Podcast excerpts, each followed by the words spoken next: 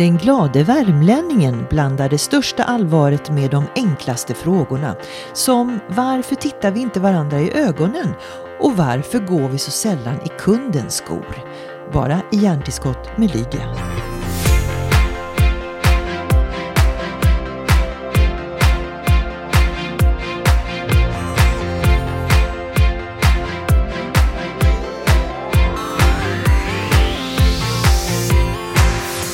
Vet du vad det första du sa när vi sågs idag? För vi har ju setts en liten stund innan Ja. när vi kör igång podden här. Då sa du så här. Eh, man måste växa upp någon gång. Man kan inte vara 27 hela livet. Ja, Och då, då, då, för jag vet inte hur du kom in på det, men du sa nu, nu börjar jag bli lite mer vuxen. Ja. Jag har klippt mig. Det sa Ja. du inte, men, nej. Nej. men jag trodde du menar, ja vad menar du? Nej, men det var, det var just det specifika då. Det gick, handlade faktiskt om, om klädstil. Då att jag körde jeans och t-shirt eh, alltid på scen och var liksom rebellen som alltid var yngst i rummet. Och eh, så här. Och eh, då tänkte jag, det var då nog i min egen så att säga, hjärna.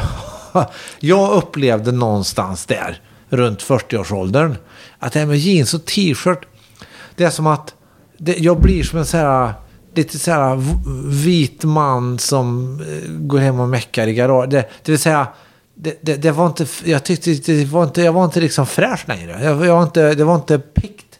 Det, så, så, att, och det var, I det där fallet var det då, då insåg jag att jag får skaffa, jag får klä mig lite annorlunda nu. Ja. Men det är ju som du ser, det är inte så att det är kostym utan det är fortfarande t-shirt. Ja. Men jag har ju en genomtänkt t-shirt med tryck som jag har tryckt själv. Och så är liksom lite, ja men så var det. Så att det, det här, för mig har det här, eh, så här inte funkat att bara köra den där sköna surfer-style hur länge som helst. Anledningen till att jag pratar om detta det är för att jag nyligen har pratat med andra jämnåriga kvinnor. Nu är jag lite äldre än vad du är. Ja. Men det händer ju någonting med oss runt 50. Nu är du 47, 48 eller? Ja, precis. Det, det, man, man- man börjar liksom eh, skruva in eh, radioantennen åt ett annat håll kanske. Ja, just det. det är väl bra? Ja, det, ja, men det är det jag menar. Jag tänker så här att jag tänker att jag vill, eh, eh, en del av mig vill jag inte ens ska vara 27. Utan alltså ska jag ha liksom, treåringens nyfikenhet kvar också. Va? Så det, det är inte så att jag tänker att jag ska bli gammal i förtid och bli försoffad. Utan tvärtom. Att jag, man, man, eh, man att liksom vara i den ålder man är ungefär. Det, det, jag- stolthet. Ja. Så här, och även om man pratar åldrande då så har jag ju... Jag, jag, jag använder... eh, Jag, jag, jag använder ett begrepp som är äh, åldras med värdighet eh, som för mig är positivt. Och det kommer från en, en sån här vandringssägen om en... eh, en läkare då, eh, som fick besök av en, en patient som eh, var i 70-årsåldern som hade eh, så här ont i hälsenan. Och det var problem när han spelade squash. Eh, då, och det här är ju en gammal historia. Nu för tiden spelar man ju padel, inte squash. Men eh, då till slut då, så säger den där läkaren, vet du vad, du ska få, du ska få ett råd av mig. Ja, då säger den mannen. Du ska köpa väst och guldklocka och åldras med värdighet. Och, och, och någonstans kan jag tycka att det är, fan, när, förr eller senare måste man ge upp det här med squash. Och, Du eh, menar det- vad du säger till folk som är där, håller på håller på, lite mer slappna av. Ja, relax. den- ja, lite så. Sen kan man ju fortfarande tänka att jag ska vara aktiv och pigg och levande och sådär. Det har jag tänkt tills jag fall, trillar av pinn. Liksom. Jag har ju tänkt att jag är igång tills jag inte är igång längre. Mm, Men det är en bra målsättning. Ja, men däremot kanske att jag liksom måste vara så här, också orka, våga iaktta att nu, att det här går inte längre. Att det- Så jag kan få släppa den här idén om vem jag är. och Ömsa identitetsskinn lite grann. Och det kan man göra lite vilsamt. Och det här har ju faktiskt lite grann eh, med det du eh, brukar prata om nu för tiden, nämligen beginners mind. Just När det. här, att eh, brottas lite med den här sunda nyfikenheten och erfarenheten. För den kloka erfarenheten är inte alltid super. Eh, jag lånar ett begrepp från Suzuki, eh, eh som, eh, alltså en, en zenbuddhistisk munk, som skrev boken Zen Mind Beginner's Mind, en av mina favoritböcker. Och han definierar beginner's mind så här då, att in the beginner's mind there are many possibilities and in the experts there are few. Och, och, och det är för mig ett livsfilosofiskt, så att säga, förhållningssätt som jag, som jag tänker är generellt sett sant. Va? Att min, om jag har mycket erfarenhet och expertis av något så är det risk att det blir i vägen för nyfikenheten och därmed kanske för både mitt värdeskapande och mitt välmående. Och det låter ju logiskt och klokt, men tror du det finns tillfällen när man inte ser det själv, var gränsen självklart, går? Naturligtvis. Det är ju, det tror jag. Oj. Det är ju... Det, om vi tänker... För mig är det en, en sån daglig... eh, finns inget riktigt bra ord för practice i svenska, tycker jag. Som en, en daglig... eh, En Dagligt da- praktiserande. Ja, ja jag, får, jag får liksom påminna mig. Jag på, inte bara dagligen, utan hela tiden handlar det om att, att orka vara nyfiken. Mm. På något vis. Och inte gå till jobbet och tro att det här gör jag med vänsterhanden för det har jag gjort så många gånger Nej, förut. och även om man tar det här liksom hela vägen så är det ju eh, i relation till så, se mina barn till exempel då, att eh, inte, inte ta för givet vilka de är. Utan se när de utvecklas och, och även då en själv. Alltså att helst vakna på morgonen utan att ta allt för mycket av berättelsen, sagan om mig själv på för stort allvar. Utan, utan liksom någonstans förstå att när jag gör mig... Om jag kan göra mig fri från sagan om mig själv. Så har jag större möjlighet att påverka den framåt. Och jag har större möjlighet att, så att säga, använda mig själv för andras skull. För att jag är mindre fast i, i mina egna begränsningar. Då. Du, Claes Hallberg. Ja. För de som inte vet det så är du ju faktiskt rätt mycket på en gång, förutom eh, det du pratar nu.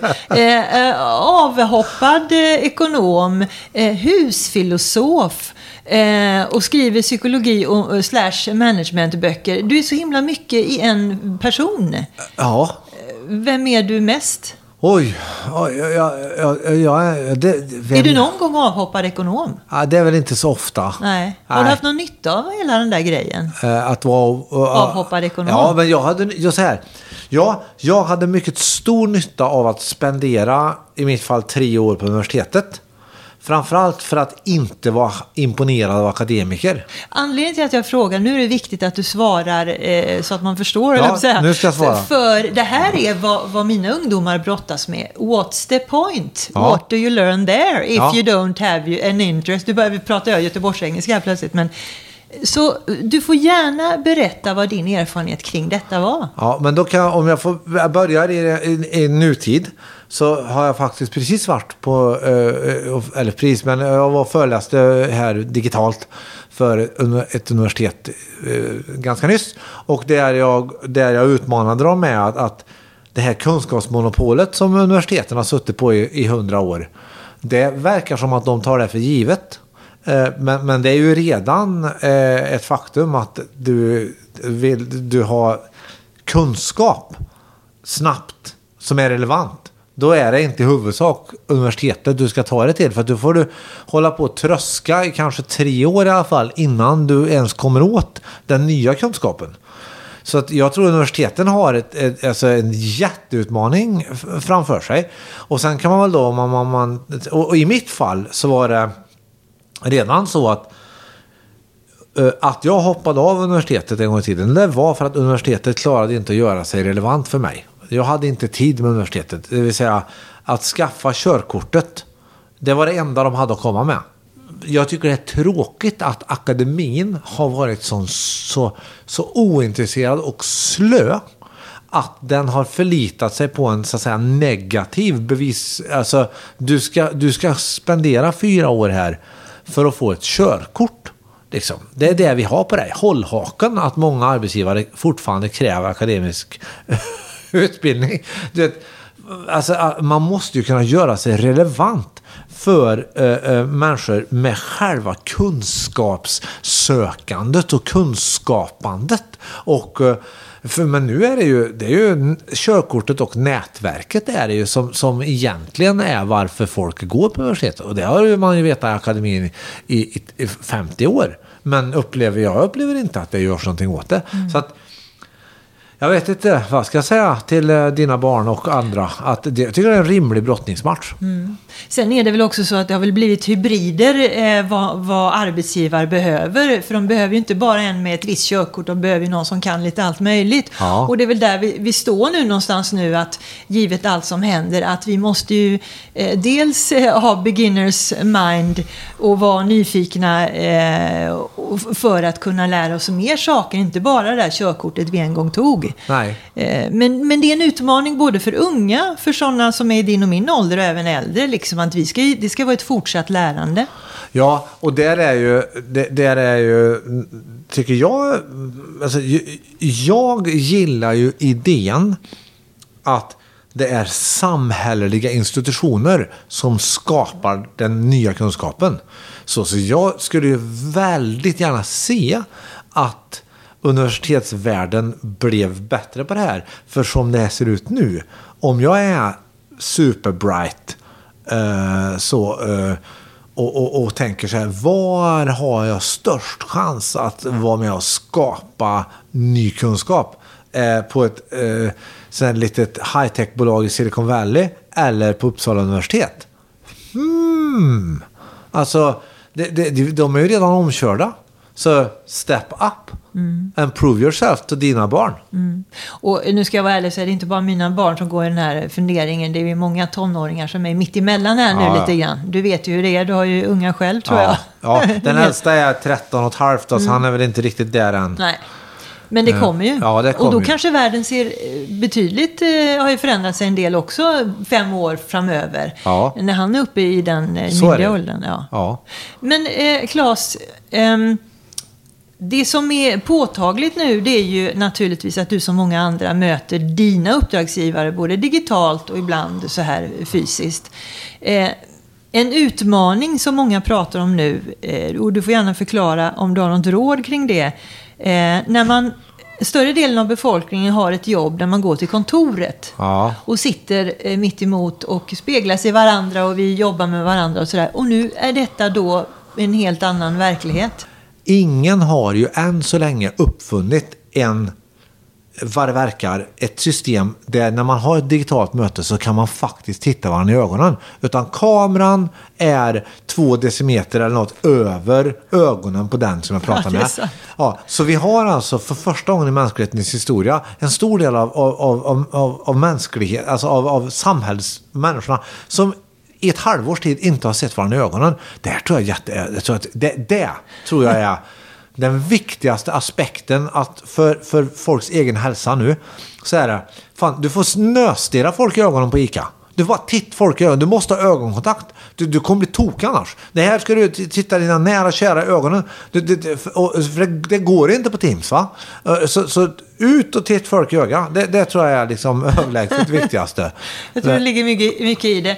Men, men som du sa också tidigare här, att man kan ju gå på månen. Varför kan man inte lösa så man kan se varandra i ögonen under de här digitala Jag mötena? fattar inte det. Men jag tror att det är för att ingenjörerna som bygger systemen har inte fattat än. De, de tycker det är strålande. Man slipper se varandra i ögonen. Ja. Mm. De kan titta på datamaskinen istället. Men det här tror jag är, det, det är liksom en sån, eh, oj vilken utmaning. Och eh, då tror jag man löser det. eh, Istället, man, det är som det är med systemen. Eh, och sen så får man lösa det genom att titta andra människor i ögonen. Och sen så tror jag att eh, om man själv till exempel då är 30 bast och har gjort en matematisk kalkyl att sannolikheten att jag får covid och dör är 0,00001 procent. Eh, så ska man naturligtvis inte bli en rättshaveristisk smittspridare.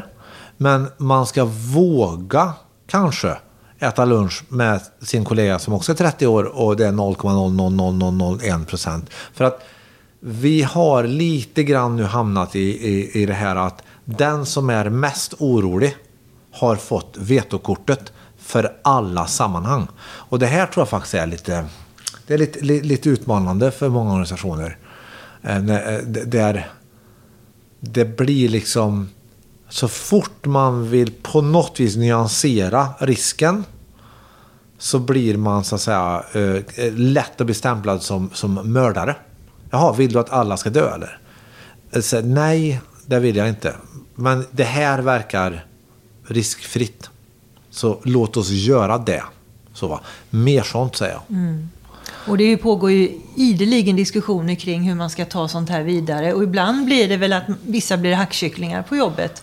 För att man resonerar som du Jag gissar gör. att det är väldigt polariserat på väldigt många arbetsplatser. Mm, Och att det här vågar vi inte ta i. Eh, och, och därför så har jag ett annat radikalt förslag i podden här nu. Det är att vi måste definitivt börja prata mer om döden. För, för döden, det, det är liksom en av de få sakerna som gäller dig, mig och alla som lyssnar. Det är nästan ingenting jag kan säga som gäller alla som lyssnar här. Men att du som lyssnar ska dö, det är, är sant det. Vi är inte, det, jag, är- jag är, det är klart det kan hända i och för sig då att redan innan vår livstid så lyckas vi göra oss odödliga. Men det, den sannolikheten verkar liten tror jag. Alltså, vi hinner dö vi. Och det, det är ju suveränt. Men här tror jag att det är en ännu helt oanvänd så här, resurs som den här pandemin har, har gett oss. Alltså, den har tvingat oss att ha ett beginners mind. Den har tvingat oss att samskapa på ett sätt. Eh, eh, jag tog som exempel, eller jag tar ofta som exempel det här med, med om, om man vill stoppa smittspridning då. Ska man då utse tusen stycken elit icke-smittspridare och ge dem en miljon i månadslön och så låser man in dem? Eller ska man säga till alla och tvätta händerna, hålla avstånd, hålla sig hemma när man är sjuk eh, och, och eh, sprita? Och det, så, så. Jo, man ska naturligtvis hjälpas åt allihop. Så. Ehm, och på, på samma sätt här så tror jag att eh, vi behöver tillsammans prata om att vårt liv är ändligt. På ett sätt som, som vi inte har vågat göra än. Är det det som skapar vår extrema rädsla i när den är lite för stor? Jag tror att det är den som skapar, det är vanlig, vanlig hedlig gammal dödsångest som är oreflekterad, skapar, har gjort att vi, vi att, som sagt att den som är mest orolig kommer att sätta agendan i precis varenda sammanhang då. I, i, i, i, på arbetet, i idrottsföreningen, på, eh, i familjen, på, alltså, och, och, och vi, vi, jag tror det, det, det är... Eh, det är inte för, det, vi, jag, jag, jag tassar ju till och med nu i podden här. Ska jag, för att eh, jag vill inte att folk ska dö i onödan. Fast jag ser att väl, väldigt många av dem som, som har avlidit, de har avlidit för att de var 90 år. Och, eh, hade, och jag är min personliga övertygelse är att väldigt många av dem hade inga problem med det. Men de hade gärna velat haft sina nära och kära där när de dog. Det vill säga att de var tvungna att lämna jordelivet utan att få göra det med värdighet. Det tror jag för väldigt många, både som har förlorat, som, många som nu lever som har förlorat eh, nära och kära. Och för de som gick bort. Så, så, så det, var, det var själva problemet. Inte döden i sig. Eh, och, och, och där tror jag, eh, alltså, utan att, jag har inte varit på varenda ålderdomshem, men jag har ju varit på en del ålderdomshem. Och, och eh, ehm, senast, det var, det var när min farmor eh, var, bodde några månader på ett, ett ålderdomshem innan hon dog. och eh, hon för övrigt var ju frisörska och hon eh, hade sin sista permanent när hon var 89. Eh, gulligt. och hon hade egen salong hemma då. Otroligt. Och så dog hon när hon var 90. Och hon var redo för det. Och det var mitt intryck att det var typ allihop där hon bodde. De visste det här är slutstationen där. För, och, och, och de visste också att jag ser redan i princip inte alls. Jag kan inte längre gå. Och nu säger inte jag att detta är så för alla och jag ser att det finns faktiskt de som har strukit med i den här pandemin som, som är betydligt yngre som kanske skulle ha haft både 10, 20 och 30 år. Och det är fruktansvärt. Och det, det är fruktansvärt i största allmänhet det. Att folk dör av trafikolyckor cancer och all möjlig förbannad skit och orättvist. Eh, hemskt va. Um, och oavsett varför och när folk dör så tror jag att det är bra att vi pratar och påminner varandra om att det här livet är ändligt. Och om jag tänker för egen del så blir det i alla fall så att en av de viktigaste frågorna för mig när jag ligger för döden en dag, det blir att ställa mig frågan, levde jag innan jag dog? Och där är det väl så att där tror jag att vi nu ska vara noga med att inte sprida smittan i onödan. Men vi ska också vara noga med att inte låta bli att leva. Jag kan också drabbas av liksom, dödsskräck ibland. I alla möjliga sammanhang. När värsta luftgropen i ett flygplan kan jag få en som! Det, Eller, eller vet, bara när man är i trafiken. Jag är nojig när jag är på vägen och det kommer någon idiot och gör någon omkörning. Så bara okej, okay, nu lugn och fin så kan det komma så här.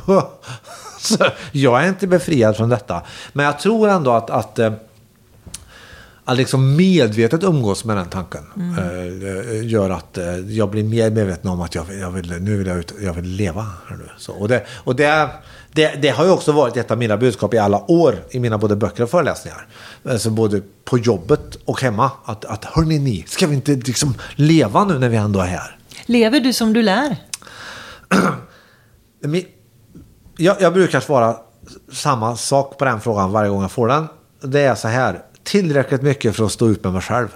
Nej, men, men om vi tar som... Ja, ja, men jag, jag, tycker nog att det är... Jag, jag tar mig an sorger och bedrövelser i livet med eh, ett stort mått av nyfikenhet och jag tar mig även an eh, glädje med nyfikenhet skulle jag säga. Vi har försökt gissa här nu vad som står på våra t-shirtar. Min kan man ju läsa till. Ja. Men vad står ditt kinesiska tecken för apropå det vi pratar om? Ja, det står ju för qi då, livsenergi.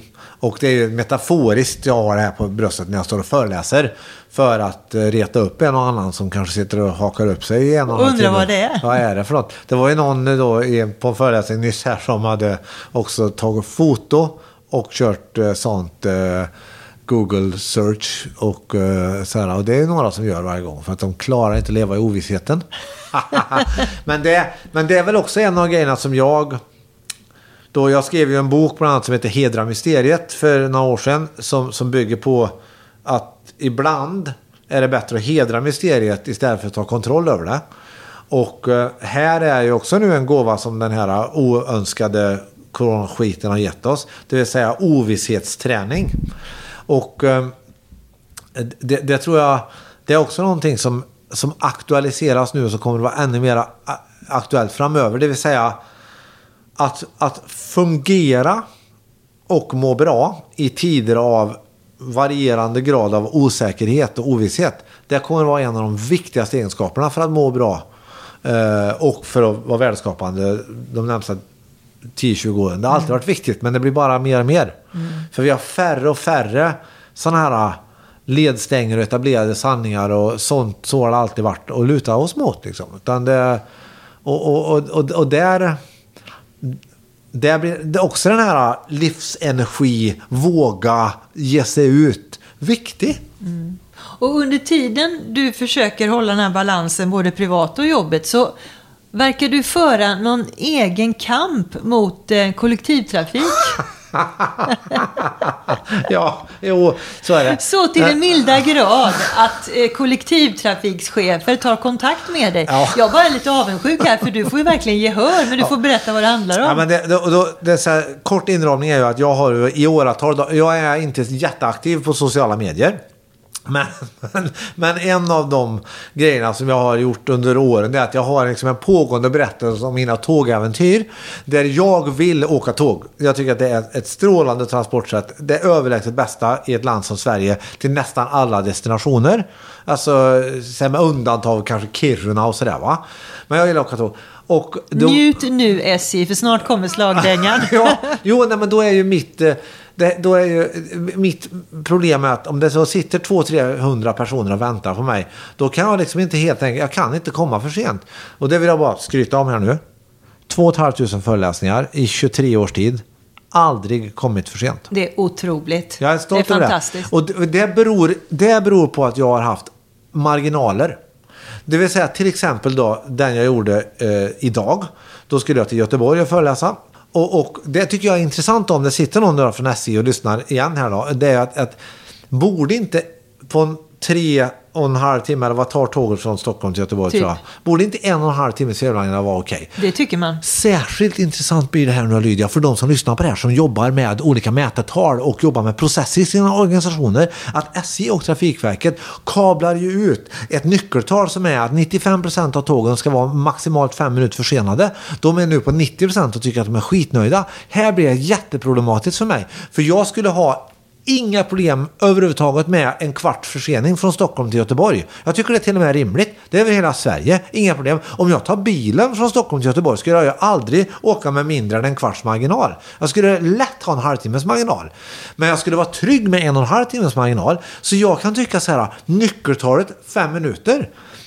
Eh, eh, och att, att 90, om det är 90, 91, 92, 93 procent som, som kommer inom det. Det spelar inte mig någon roll om det tåget jag sitter på kommer fyra timmar för sent. Och det är helt uppenbart att det är så det är. Så jag vågar ändå inte ta tåget. Det är det här jag försöker kommunicera till dem. Och därför hörde SJs punktlighetschef av sig när de hade eh, sett mina uppdateringar och kanske noterat Har att... SJ en punktlighetschef? SJ har en punktlighetschef som jobbar punktligt och hon jobbar dessutom med någonting som heter eh, Tillsammans för tåg i tid. Som är en fantastisk grej där hela branschen eh, är tillsammans, alltså Trafikverket och tågoperatörerna och Jernhusen också tror jag, som äger stationerna. De har fattat Aha! Vi ska samarbeta om det här. Att tågen ska komma i tid. Och även godstågsverksamheten, Green Cargo, vad de heter, är med här. Va?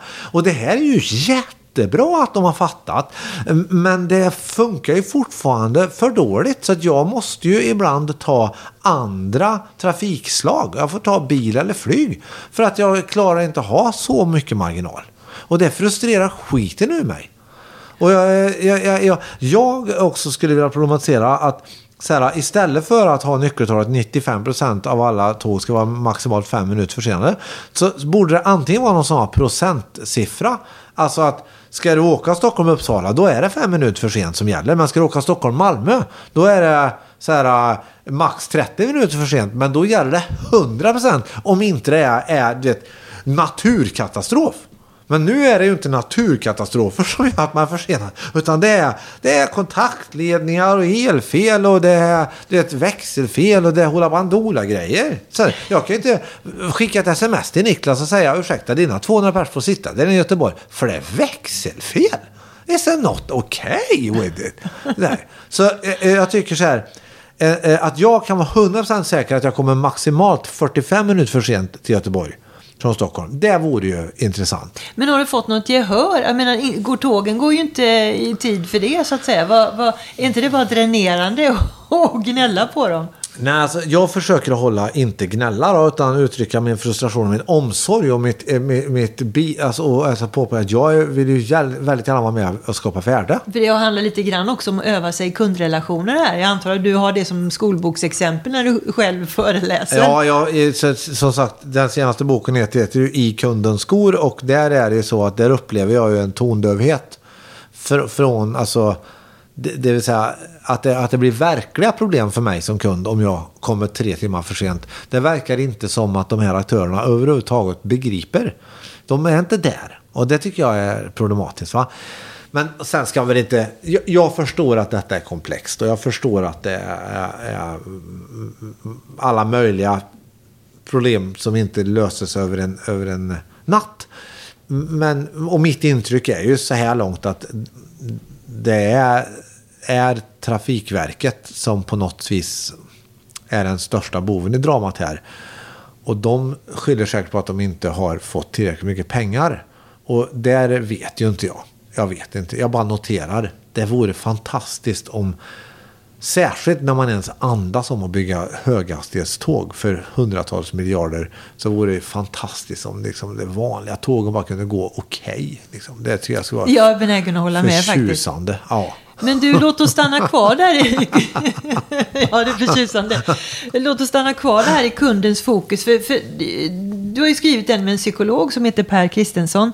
Eh, eh, och ni nämner ju båda här eh, att eh, man har blivit, man, företag har blivit sämre på att sätta sig in i kundens fokus. Borde det inte vara tvärtom? Vi, går, vi blir ju mer moderna. Vi förstår ju vilka parametrar allt eh, parametrar allting fungerar med, varför Eh, blir det sämre? Ja, det finns ju naturligtvis massor med eh, så här, hypoteser om det. Det finns ju inget svar, alltså inte ens forskarna har hittat eh, så här, svaret på den frågan. Men, men om man problematiserar lite grann så kan man säga också att ut, för allra första ursprunget till att det blev en bok ihop med Per var att jag uh, uh, ruttnade på utvärderingar för några år sedan. Uh, det var jag hade varit på en liten turné i Sverige och inte läst mejl på några dagar för det har varit intensivt. Och jag hade åkt tåg, jag hade åkt flyg, jag hade åkt taxi, jag hade bott på olika hotell, äh, olika hotellkedjor och jag hade i största allmänhet gjort en massa grejer. Och jag, jag, jag var helt, när jag liksom slog upp datorn där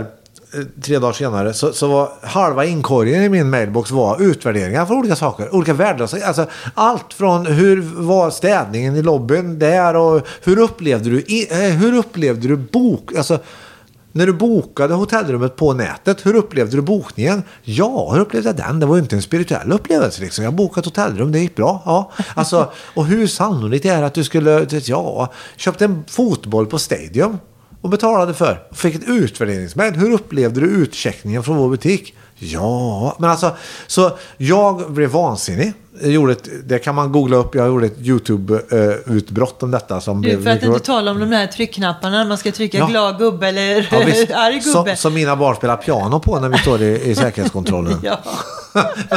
Men eh, eh, då i alla fall ringde jag till Per som jag kände sedan tidigare. För eh, han eh, forskar ju på universitetet i Karlstad. Och sa Per, du har ju forskat eh, eh, liksom på det här i snart 20 år. Varför förföljer alla dessa organisationer mig med de här utvärderingarna? Och då svarade Per, jag vet faktiskt inte. Och jag sa, vad menar du? Ja, och då började vi problematisera att den goda intentionen bakom att göra en utvärdering är naturligtvis att man vill på något vis veta, man vill, man vill sätta foten i kundens sko. Man vill på något sätt veta vad tycker våra kunder och sådär va. Eh, men, men en förklaring till varför det har blivit som det har blivit, det är, helt, det är, det är mitt begrepp statistikmonstret har dykt upp och tagit över här. Det vill säga, ett, ett scenario kan vara så här. Den goda intentionen, säger vi i en ledningsgrupp, att förstå sina kunder innebär att någon i ledningsgruppen får eh, då uppdraget att kontakta ett, ett undersökningsföretag och formulera frågeställningar som är intressanta och för företaget intressanta. Här är ju en tydlig.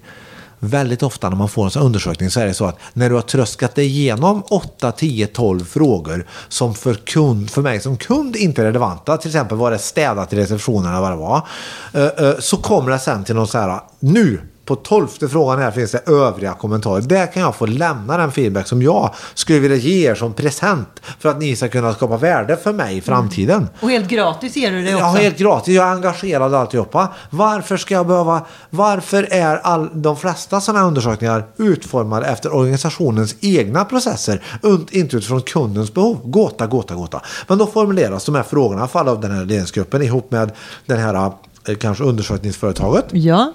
Och eh, sen så då eh, skickas de här ut. Och inte sällan är det ju så att undersökningsföretaget har en arvoderingsmodell som innebär en viss mängd svar måste in.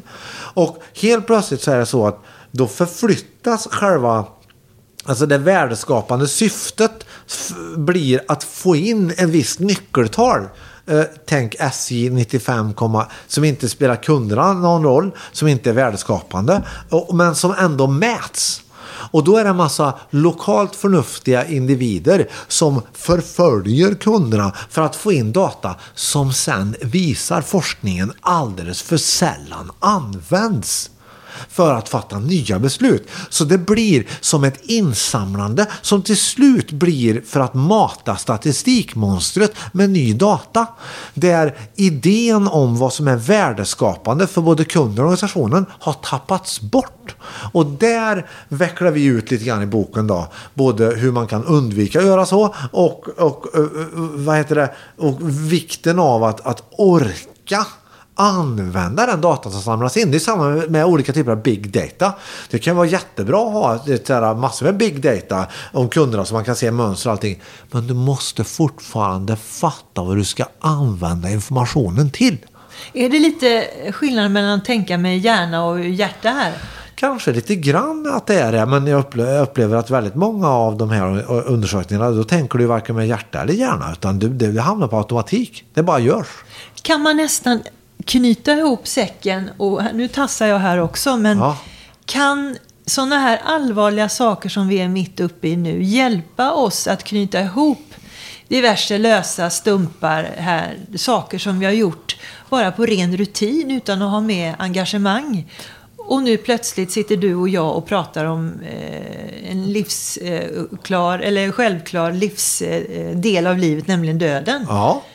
Är det här någonstans vi börjar knyta ihop säckarna kring det som händer både på jobb och i livet och ute i världen. Ja, i bästa fall kan det vara det att döden kommer närmare nu och därför blir påminnelsen att min tid på jorden vill jag verkligen använda till någonting som känns engagerande. Och jag vill göra mig tillgänglig för andra människor vi kan vara värdeskapande tillsammans. Och då måste jag också släppa taget om mina egna vardagssanningar, mina egna processer och mina egna framgångsrecept ibland för att sätta foten i andra människors skor och vara värdeskapande utifrån deras perspektiv. Och det gäller naturligtvis både privat och professionellt där. Mm.